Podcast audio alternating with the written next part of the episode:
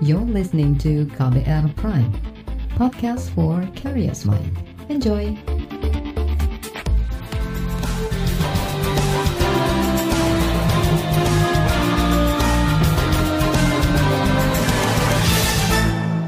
Inilah KBR sore untuk hari ini, edisi 17 Februari 2022. Halo, selamat sore saudara. Apa kabar Anda sore hari ini? Mudah-mudahan dalam kondisi yang baik dan sehat.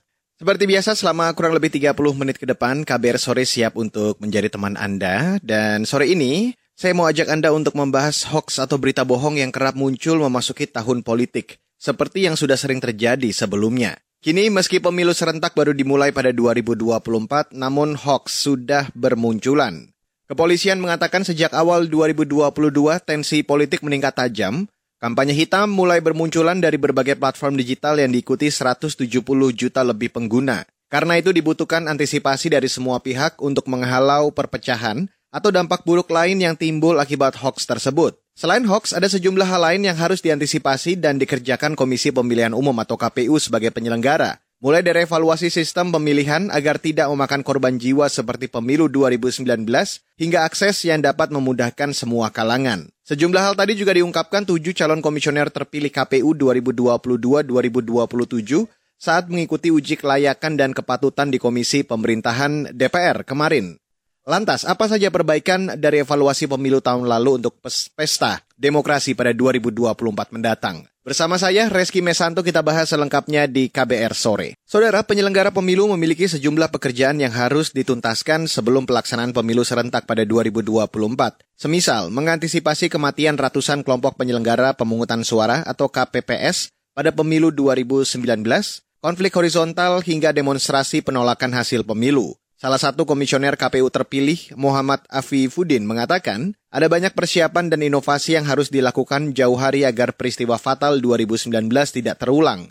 Berikut paparan Afifuddin saat uji kelayakan dan kepatutan di DPR kemarin. Lebih menekankan pentingnya sejumlah inovasi dan kolaborasi yang harus dilakukan oleh penyelenggara menuju pelaksanaan pemilu 2024. Dalam konteks ini, pertama kami menyampaikan visi terwujudnya penyelenggaraan pemilu yang lebih demokratis dan berintegritas. Kenapa saya memberi kata penekanan lebih? Karena bagi kami sebagai negara, kebetulan sekarang di bawah CRI, pemilu kita relatif sudah demokratis, bahwa ada kurang-kurangnya iya. Dan saya kira kurangnya itulah yang harus kita tutupi dengan serangkaian inovasi dan kerjasama yang harus makin kita gaungkan ke semua pihak. Menurut Afif, semua penyelenggara pemilu tentu harus taat aturan dan hukum yang berlaku serta menjunjung hak semua kalangan masyarakat untuk mendapat aksesibilitas dalam pemilu. Ingin penyelenggaraan pemilu ini sebagai bagian dari upaya kita memperkuat sistem tata negara yang demokratis, termasuk mekanisme memilih pemimpin, presiden, wakil presiden, DPR, dan seterusnya yang dilakukan secara baik dan demokratis. Yang kedua, kita ingin mewujudkan tata kelola kepemiluan secara internal soal kepemiluan ini yang berkepastian hukum. Jadi sejumlah inovasi, kolaborasi yang dilakukan oleh penyelenggara itu batasannya adalah dia harus taat terhadap undang-undang, dia harus patuh terhadap aturan. Dan juga harus adanya upaya untuk membuat pemilu ini lebih efektif, efisien, membuat ruang yang sama. Kemudian meningkatkan kualitas layanan pemilu untuk kepentingan pemilih dan seluruh pemangku kepentingan. Dan saya kira ini penting sekali kita tekankan bahwa kita memastikan agar tahapan-tahapan ini aksesibel tidak mungkin pemilu baik kalau TPS-nya susah diakses oleh teman-teman yang pakai kursi roda misalnya, kelompok tua dan seterusnya. Nah ini penting untuk kita tekankan. Penyelenggara menekankan pada pemberian aturan dan juga penyediaan fasilitasi untuk semua pihak. Evaluasi penyelenggaraan pemilu juga dilakukan kepolisian, antara lain soal antisipasi peningkatan eskalasi ujaran kebencian di media sosial dan maraknya hoax yang beredar. Selain itu, dalam pemilu 2019, jumlah anggota Polri yang meninggal meningkat hingga 100% dibanding pemilu 2014, yakni dari 8 korban menjadi 16 korban. Berikut penjelasan juru bicara Mabes Polri, Dedi Prasetyo, dalam diskusi jelang pemilu beberapa hari lalu. Masih yang kami pernah rasakan di tahun 2019 yang lalu, di mana eskalasinya sudah mulai agak ada peningkatan, khususnya mendekati tahun-tahun yang boleh dikatakan tahun politik atau mendekati pesta demokrasi yang akan kita laksanakan di tahun 2024. Meskipun masih beberapa tahun lalu, tapi isu-isu yang berkembang ini sudah mulai mengarah ke sana. Di tahun 2019 ini pengalaman kami bahwa terjadi memang perang informasi, kemudian perang survei, kemudian politik identitas, black campaign, negative campaign, hoax. Hoax ini menjadi tantangan kita bersama. Tadi saya sebutkan di awal bahwa data kita 170 juta pengguna media sosial aktif ini perlu literasi-literasi dalam rangka untuk meluruskan informasi, konten-konten, berita-berita yang boleh dikatakan sangat lemah untuk konfirmasi verifikasi dari sumbernya sehingga muncul hoax tersebut. Kemudian perang psikologis, kemudian ada money politik dan perang IT udah memang masanya sudah seperti itu. Prediksi kami di tahun 2022 eh, ini sampai dengan menjelang tahun 2024 maka situasi-situasi seperti itu akan muncul kembali dan ini harus kita antisipasi bersama. Saudara itu tadi juru bicara Polri Dedi Prasetyo. Baiklah, kita break sejenak dan setelah break akan saya hadirkan laporan khas KBR mengenai dominasi laki-laki di penyelenggara pemilu. Selengkapnya sesaat lagi. Tetaplah bersama kami di KBR sore. You're listening to KBR Pride, podcast for curious mind. Enjoy.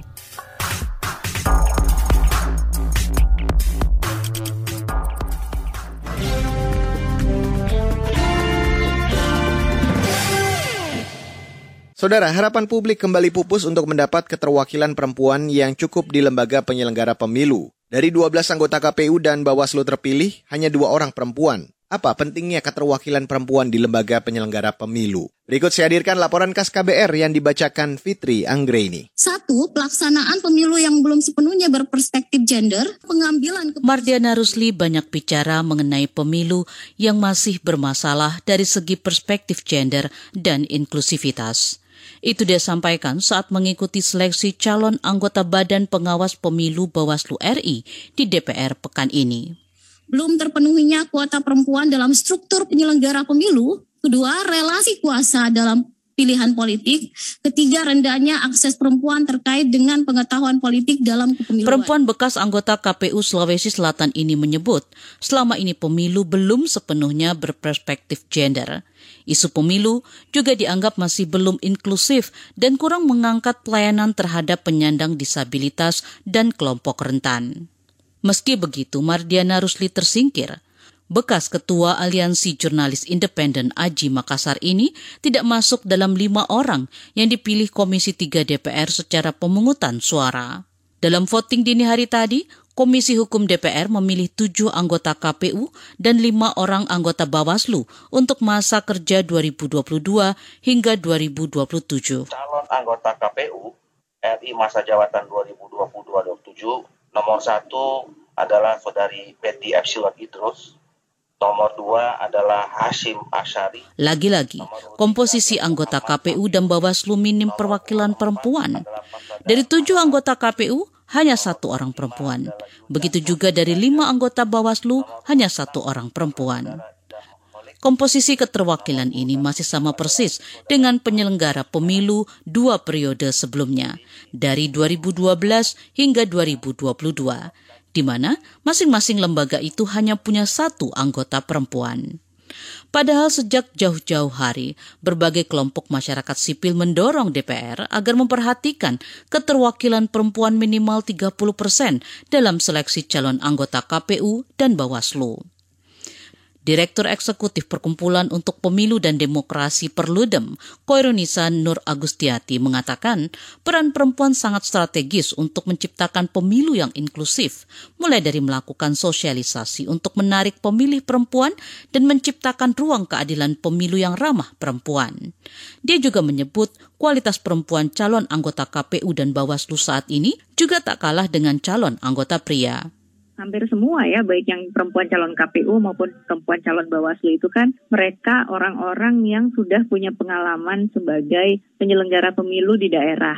Bahkan ada yang sudah dua periode, ada yang pernah uh, jadi ketua, ada yang bahkan pernah jadi ketua di KPU di mana mereka uh, tugas dari sisi pengalaman mereka nggak kalah gitu ya, mereka uh, mampu menyelenggarakan pemilu dari sisi uh, kapasitas pun juga mampu gitu ya, track recordnya juga baik kemarin. Juga. Keterwakilan perempuan di lembaga penyelenggara pemilu juga sebetulnya sudah disinggung secara jelas di Undang-Undang Nomor 7 Tahun 2017 tentang pemilu pada pasal 10 dan pasal 92 undang-undang itu menyebut komposisi keanggotaan KPU dan Bawaslu dari tingkat pusat hingga kabupaten kota hendaknya memperhatikan keterwakilan perempuan paling sedikit 30 persen.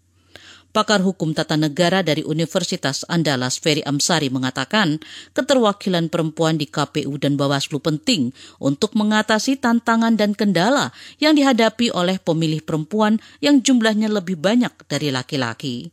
Bahkan Ferry menyebut jumlah penyelenggara pemilu perempuan justru seharusnya lebih banyak dari laki-laki. Yang mengerti bagaimana tantangan, halangan-halangan yang di dihadapi oleh pemilih perempuan tentu perempuan dan pembuat kebijakan yang pro dengan perempuan itu sendiri. Jadi makanya kami uh, di Pusako menyebutkan angkanya mestinya uh, 50 persen, 50 persen minimal. Karena kalau pakai logika matematika, karena pemilih perempuan lebih banyak, mestinya kan bukan perempuannya tiga, laki-lakinya empat, tapi perempuannya empat, laki-lakinya tiga.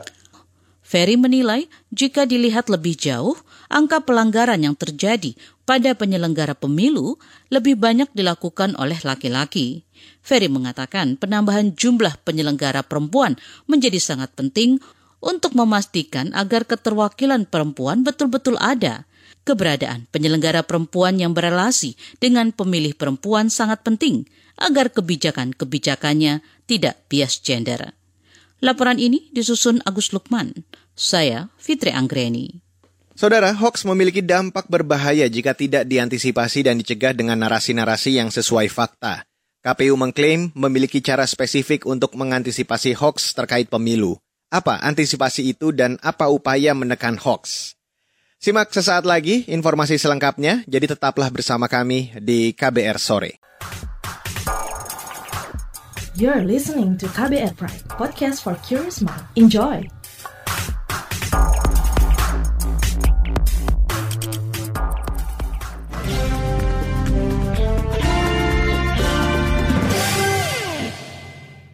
Saudara, menjaga kepercayaan publik terhadap hasil pemilu menjadi salah satu tujuan Komisi Pemilihan Umum atau KPU. Kepercayaan itu harus dijaga dan diperkuat jelang pemilu serentak 2024. Komisioner KPU Idewa Kade Wiarsa Rakasandi mengklaim telah melakukan sejumlah antisipasi, semisal dengan mengklarifikasi hoax yang beredar di media atau platform informasi.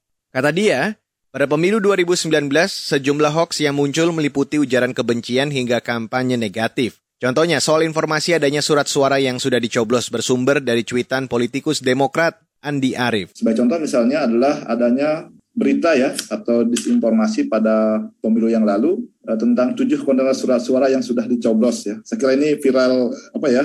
Saya ingat betul ya dari pusat sampai di daerah ini satu isu ya uh, atau disinformasi yang luar biasa ya.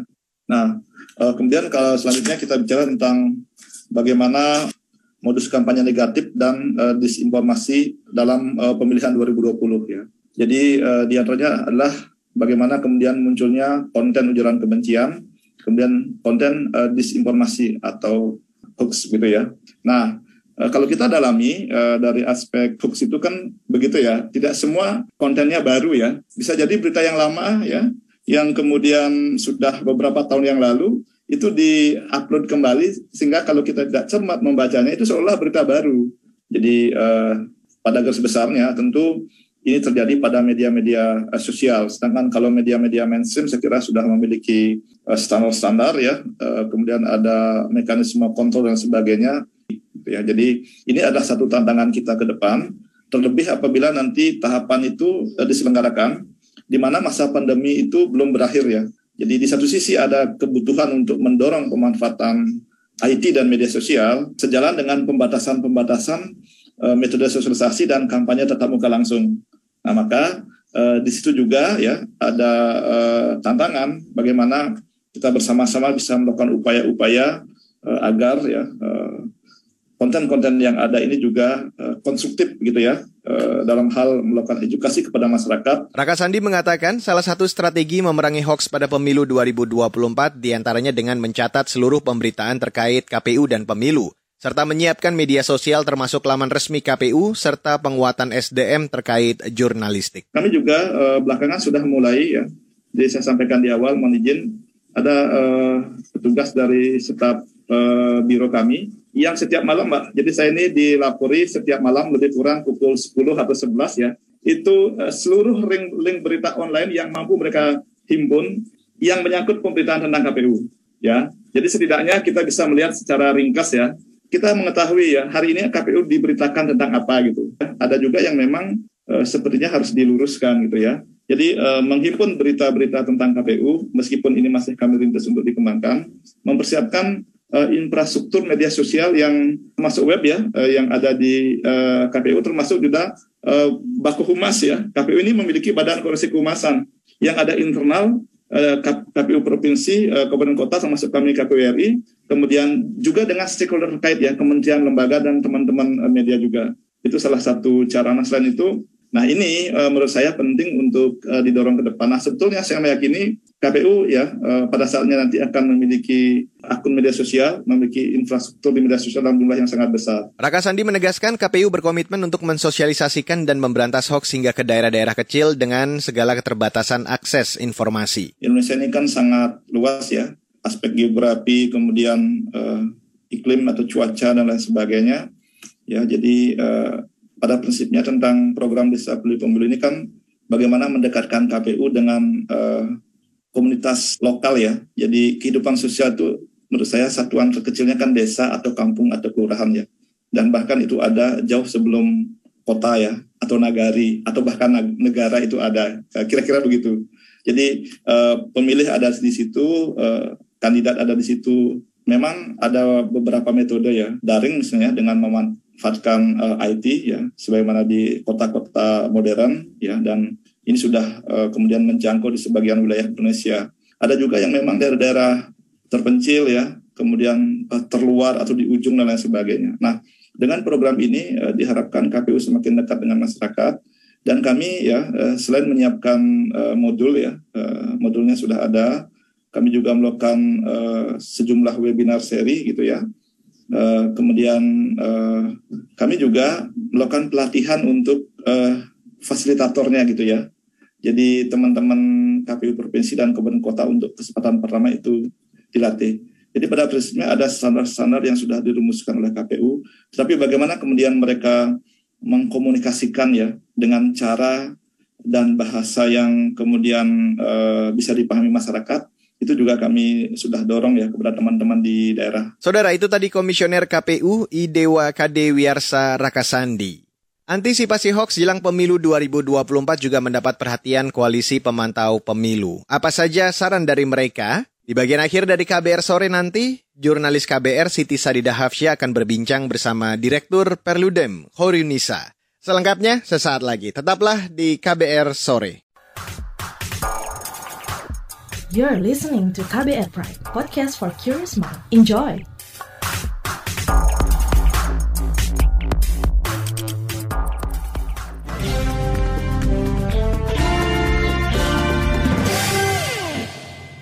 Saudara, kabar bohong atau hoax politik pada pemilu 2019 mencapai 540-an dari 1.600-an temuan hoax selama periode Agustus 2018 hingga April 2019. Data ini berdasarkan catatan Kementerian Komunikasi dan Informatika atau Kominfo. Maraknya hoax saat pemilu jadi perhatian Perkumpulan untuk Pemilu dan Demokrasi atau Perludem. Direktur Perludem Horinisa Nur Agustiati mengatakan penyebaran informasi palsu atau disinformasi perlu diantisipasi menjelang pemilu presiden 2024. Dan untuk mendengarkan penjelasan secara lebih detail, saya ajak Anda untuk langsung mendengarkan perbincangan jurnalis KBR Siti Sadida Hafsya bersama Direktur Perludem, Horu Nisa. Bagaimana tren disinformasi selama pemilu yang sudah berjalan sebelumnya? Tren disinformasi yang berbeda. Kalau 2014 tujuannya mengubah persepsi ya yang tadinya masyarakat suka dengan calon A, kemudian dengan adanya disinformasi mungkin bisa beralih pilihannya. Itu di 2014. Tapi di 2019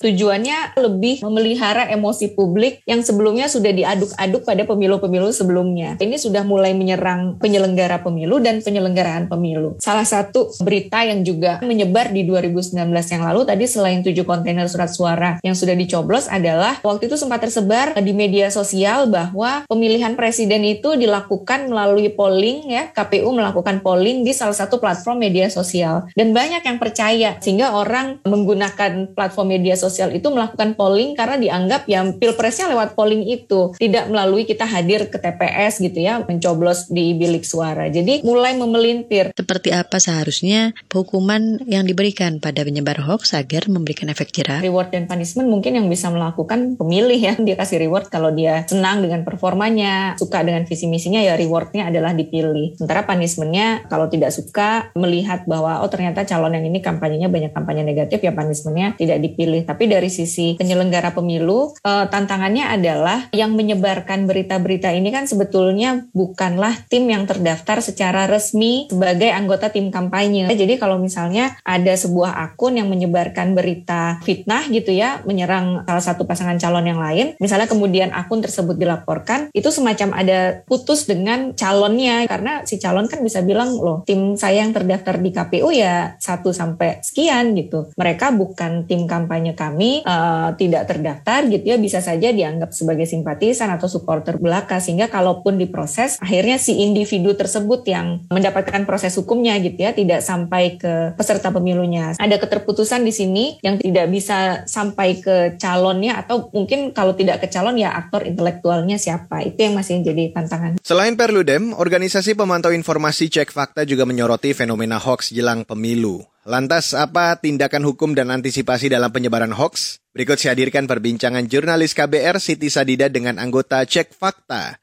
Wahyu Jatmika. Langkah antisipasi apa yang akan dilakukan untuk menangkal hoax pemilu 2024? Beberapa program yang sudah akan kita lakukan sampai 2024 kita akan perluas jaringan tadi dan juga menambah pelatihan dan kapasitas pemeriksa fakta di berbagai media. Kita akan melakukan sistem link hoax atau secara live dari hari ke hari berbagai potensi hoax dan melakukan debunking. Kemudian diseminasi publik tadi menggunakan berbagai metode yang mungkin dan bahasa format yang potensial menjangkau lebih banyak komunitas. Untuk aktivitasnya kita akan mengajak publik terlibat lebih intensif, kita akan mensosialisasi bagaimana publik bisa melaporkan hoax yang mereka terima. Kita ingin membuka akses itu supaya publik tahu ke mana harus melapor. Kemudian yang sudah kita sedang dilakukan memperbaiki prosedur agar ada standar mutu yang sama dalam setiap fakta, ada standar etika yang sama dalam setiap pemeriksaan. Kemudian kita akan memperluas engagement dengan semua pemangku kepentingan agar efektivitas dari produksi artikel juga lebih baik. Bagaimana pendapatnya soal hukuman bagi penyebar hoax terkait pemilu nanti? Kalau kita lihat dalam beberapa kasus, tidak semua sebetulnya penyebar hoax yang melakukan disinformasi-disinformasi itu terlibat dengan tim kampanye. Mereka kadang-kadang ya warga biasa yang bersemangat, passionate untuk menyebarkan informasi yang menguntungkan kandidat pilihannya gitu. Saya pikir benang tipisnya bagaimana memisahkan gitu ya antara ekspresi-ekspresi politik itu dengan damage atau kerusakan yang ditimbulkan ketika ekspresi politik yang tidak berbasis fakta itu kemudian tersebar secara masif gara-gara platform teknologi media sosial yang sekarang menjadi alat utama kita berkomunikasi. Kalau itu misalnya dipanis dengan hukum, mereka dipenjara, akhirnya kan dipidana, apakah itu kemudian tidak membatasi ekspresi politik? Di kami di Cek Fakta tentu tidak masuk ke ranah hukumnya, ke ranah penegakan hukumnya, karena itu wilayah uh, polisi dan penyelenggara pemilu. Tapi mungkin yang bisa kami lakukan membuat format reward dan punishment yang lain gitu ya dengan kekuatan publik gitu ya. Bagaimana mempermalukan misalnya mereka yang terafiliasi dengan mereka yang menyebarkan hoax. Saudara itu tadi anggota Cek Fakta Wahyu Jatmika. Dan perbincangan tadi sekaligus menutup KBR sore untuk hari ini. 17 Februari 2022. Terima kasih untuk Anda yang sudah bergabung sore hari ini. Selamat kembali menjalankan aktivitas sore hari ini. Dan jangan lupa untuk selalu menaati dan mematuhi protokol kesehatan di mana pun Anda berada. Hindari kerumunan, kurangi mobilitas, dan tetap gunakan masker bila Anda berada di ruang publik. Saya Reski Mesanto mewakili tim redaksi yang bertugas sore hari ini. Kami undur diri. Salam.